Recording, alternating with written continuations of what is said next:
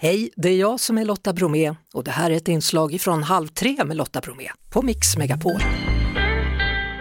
Hörrni, skilsmässor efter semestern, det brukar alltid sägas att nu ökar de i statistik och frågan är hur kan man få saker och ting att hålla istället för att göra slut?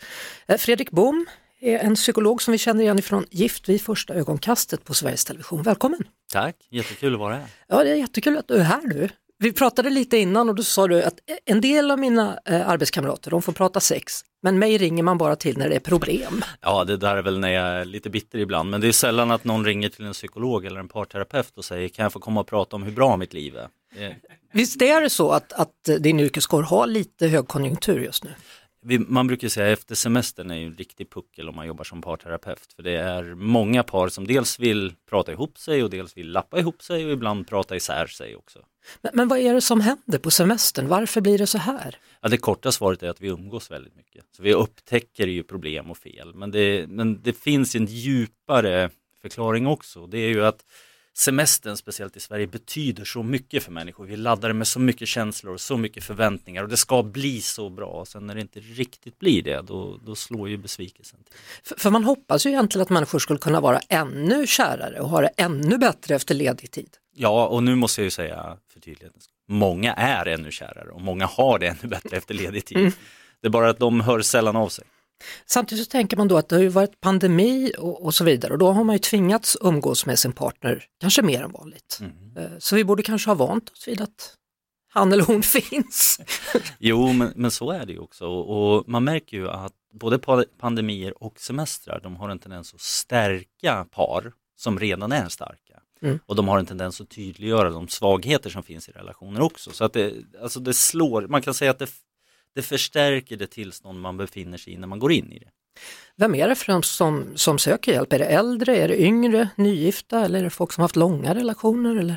Det finns en väldigt, väldigt positiv trend i det här och det är ju att vi ser att det är fler och fler människor som söker stöd tidigare. Och det där är någonting som är jättebra för det är så med alla typer av problem, inte minst relationsproblem, att ju snabbare man är på bollen, desto mindre åtgärder behöver man för att rätta till det. Så det är lite roligt och sen har jag en personlig favorit också. Det är att det är också relativt, eh, relativt många lite äldre par som hör av sig och säger så här, men hur, hur kan vi hitta glöden igen? Hur kan vi hitta den där elden? Så människor nöjer sig liksom inte riktigt bara med att vara tillsammans. Nu vill de ha mer, de vill ha lite eld i det. Ja, då får till och med du svara på sexfrågor. Jajamän, ja. jag är inte främmande för det. Nej, jag förstår. Eh, annars brukar man ju prata om att just småbarnsåldern, eh, när man har riktigt små barn, de första åren där är, är knepiga. Jo men det är klart därför att det är ju så med relationer att alla relationer kräver tid och det kräver engagemang och det kräver ansträngning och ju mer andra saker vi har som sliter i vår tid, sliter i vår energi inte minst, så blir det svårt att komma ihåg sin partner. Och när man, man får speciellt småbarnsåren så barn är väldigt krävande. De kan inte vänta och de kan inte relatera till andra saker. De behöver uppmärksamhet och de behöver det på en gång. Ja, ibland så pratar man om att det finns olika trösklar. Är det, är det sant eller inte? Om jag säger då, mina fördomar om det här är att efter tre månader ungefär då får man bestämma sig, ska jag fortsätta eller inte? Sen kanske det är någon ettårsgräns där, sen är det tre år och sen är det sju år. Kör ja. eller inte kör. Ja, nej men alltså jag skulle säga att de tillfällen människor får problem, det är det första som vi sällan hör talas om, men det är ju när man tar det här steget att växla in en liten fling till en faktisk relation. Alltså, om man ska vara romantisk kan man säga att man går mm. från förälskelse till kärlek och det, det, är en puckel. Det kommer en tydlig puckel när man skaffar barn för väldigt många. Det kommer en tydlig puckel när barnen är tonåringar för väldigt många därför att tonårsperioden är arbetsam. Eh, och sen finns det en jätte, jättepuckel och det är när barnen flyttar hemifrån. Då du, då får man börja umgås. Ja, ja då, måste man, då måste man återupptäcka varandra igen och säga ja. vem är du som jag har delat rum med i alla år här? Ja. Eh, de här andra skälen då som man hör, otrohet, tjafs om pengar, kärleken, känslorna har tagit slut. Ja, allt det där är sant. Och, och man kan göra ett man, man, kan få till ett stort problem om nästan vad som helst. Men, men jag har ju en teori där, eller en väldigt stark hypotes ska jag säga, att det finns egentligen bara två problem i relationer. Det finns inte 42. Vi, vi nämner ofta att problemet är disken, problemet är hämta barnen och så vidare. Men, men grunden, bortanför det här, så ligger egentligen alltid samma grundproblem. Det är antingen att man inte känner sig tillräckligt omtyckt, tillräckligt älskad, tillräckligt värderad. Eller så är det att man inte får tillräckligt med uppmärksamhet, man blir inte lyssnad på, man blir inte respekterad nog. Mm. Jag törs säga att är man bara omtyckt och respekterad och man känner det, då, då kan man lösa nästan vilket problem som helst. Men är man inte det, då blir det vad som helst ett jätteproblem. Jag måste fråga en grej till. Om man nu sitter hemma framför mm. radion kanske, i bästa fall, för då kan man få tips, eh, och känner sig olycklig i sin relation, vad, vad kan man göra på egen hand och hur ska man tänka? Det är klart man kan alltid lära sig att tänka mer positivt, du kan se glaset som halvfullt istället för halvtomt. Du kan, det, det, är mycket man kan göra med sin egen attityd och inställning. Men hela syftet med att vara en parrelation, det är att man ska ha någon att dela livet med.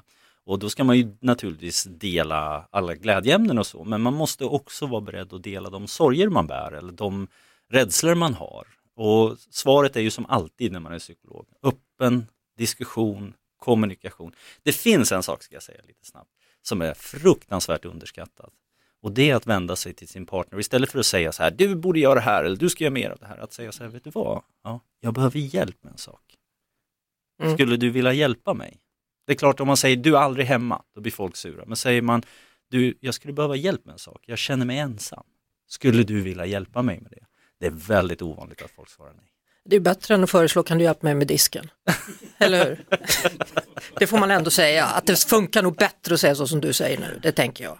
Eh, du, du sa under den här låten då, när eh, kärlekskonstnären Thomas Ledin uttryckte sig, mm. så sa du, det finns egentligen tre saker om man kokar ner det hela, tre saker som gör ett framgångsrikt par framgångsrikt just i att vara tillsammans. Ja, eller i alla fall kan man säga, det finns tre saker som, i alla fall i min erfarenhet, framgångsrika par gör och, och två av dem är rätt tråkiga. Mm. Alltså en av dem det är att de avsätter tid tillsammans för att ad administrera relationen. Du vet, vem ska köpa presenter åt farmor Molly och vem ska betala hyran och var ska vi parkera bilen?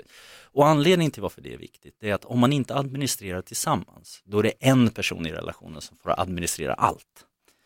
Och det är lite så här tråkigt men viktigt. Men sen finns det en annan del också. Vi pratade om barn och tonåringar och sånt där tidigare och livet kräver mycket av oss. Och det är därför det är viktigt att vi också avsätter tid för att bygga vår relation. Date nights, mm. skapa mm. lite romantik, lite intimitet, lite glöd. Man måste faktiskt arbeta på det också. Och sätta av tid till det. Sen ja, det, det är så, ja, nej, säg, nej, säg förlåt, jag måste bara säga, sen ja. är det min favoritpunkt på slutet mm. och det är att par som trivs ihop är också väldigt duktiga att leka de leker med varandra, de är busar och ni vet, de hittar sitt eget språk och jag tycker det är fascinerande, ibland sitter jag på tunnelbanan och ser något par, man ser att de hör ihop och så ger de bara varandra den där blicken och så ler de. Då, då, då förstår man att de där, de har ett sätt att relatera till varandra. Mm. Jo, vad jag tänkte säga var, jag fattar det där att man ska avsätta tid och alltihopa det där. Men, men om vi nu pratar glöden så ser man ibland då tips att skriv in i kalendern när ni ska ha sex. Ja. hur kan det funka egentligen, tänker jag? Eller? Ja, nej. Nej. alltså det korta svaret är nej. Det är klart att det är bättre att du gör det än att du aldrig har sex. Om ja. vi nu pratar, pratar så. Men, men om vi pratar, pratar sex och sexualitet så är det känslor, det är intimitet, det är glöd, det är spontanitet, det är lek och det är svårt att planera det. Mm. Däremot måste jag säga det här. Man måste arbeta på det. För mycket av par när glöden falnar, en fråga jag brukar ställa, det är bara så här, du, första halvåret när ni träffades, hur mycket tid och energi la du på att göra det attraktivt, på att skapa känslor, bygga en romantisk miljö? Ja, rätt mycket, säger de. Okej, okay, sista halvåret, hur mycket tid har du lagt på det? Och där har man mycket av svaret. Mm. Nej, schemalägg inte när man ska ha sex, men sätt av tid för att skapa en intim setting, väcka känslor, romantisk mm det, räcker inte att sätta på sig samma likfärgad overall och gå runt. Ah, alltså. du, du, du, tror inte på det? Nej. nej. Inget emot overaller, men nej. nej. Du, hur mycket ska man kämpa då? När ska man ge upp? Eller finns det fall där, ja, ska man någonsin ge upp? Att det där är en fråga som man kan Svårt. älta. Ja, Oj, den är, den är jätte, jättesvår. Men det är klart, det finns, det måste jag få säga att det finns inget enkelt svar på det. Men det är klart det finns ett svar. Eller i alla fall som jag tycker och det är att hur mycket ska man kämpa då? Ja, till att börja med beror det på om du har fler människor som är beroende av dig. Om du har barn och så, då tycker jag kanske man ska kämpa lite mer och har man inte det, då spelar det inte så stor roll. Men det finns någon sån här gräns och det jag brukar säga, när det går så långt så att man börjar brista i respekt mot varandra. Alltså man kan ha olikheter, man kan bråka och så, men när det går den där gränsen, när man börjar göra ner varandra och börjar mm. förringa varandra, då har det nått en punkt när det, ska jag säga, i alla fall är väldigt svårt att komma tillbaka. Du, Stort tack för att du kom hit Fredrik Bohm, jag hoppas du kommer tillbaka, du är varmt välkommen tillbaka. Jättegärna. Vi hörs såklart på Mix Megapol varje eftermiddag vid halv tre. Ett poddtips från Podplay. I podden Något Kaiko garanterar östgötarna Brutti och jag, Davva, dig en stor dos skratt. Där följer jag pladask för köttätandet igen. Man är lite som en jävla vampyr. Man har fått lite blodsmak och då måste man ha mer. Udda spaningar, fängslande anekdoter och en och annan arg rant. Jag måste ha mitt kaffe på morgonen för annars är jag ingen trevlig människa. Då är du ingen trevlig människa, punkt. Något Kaiko, hör du på Podplay. Därför arkadeinerna.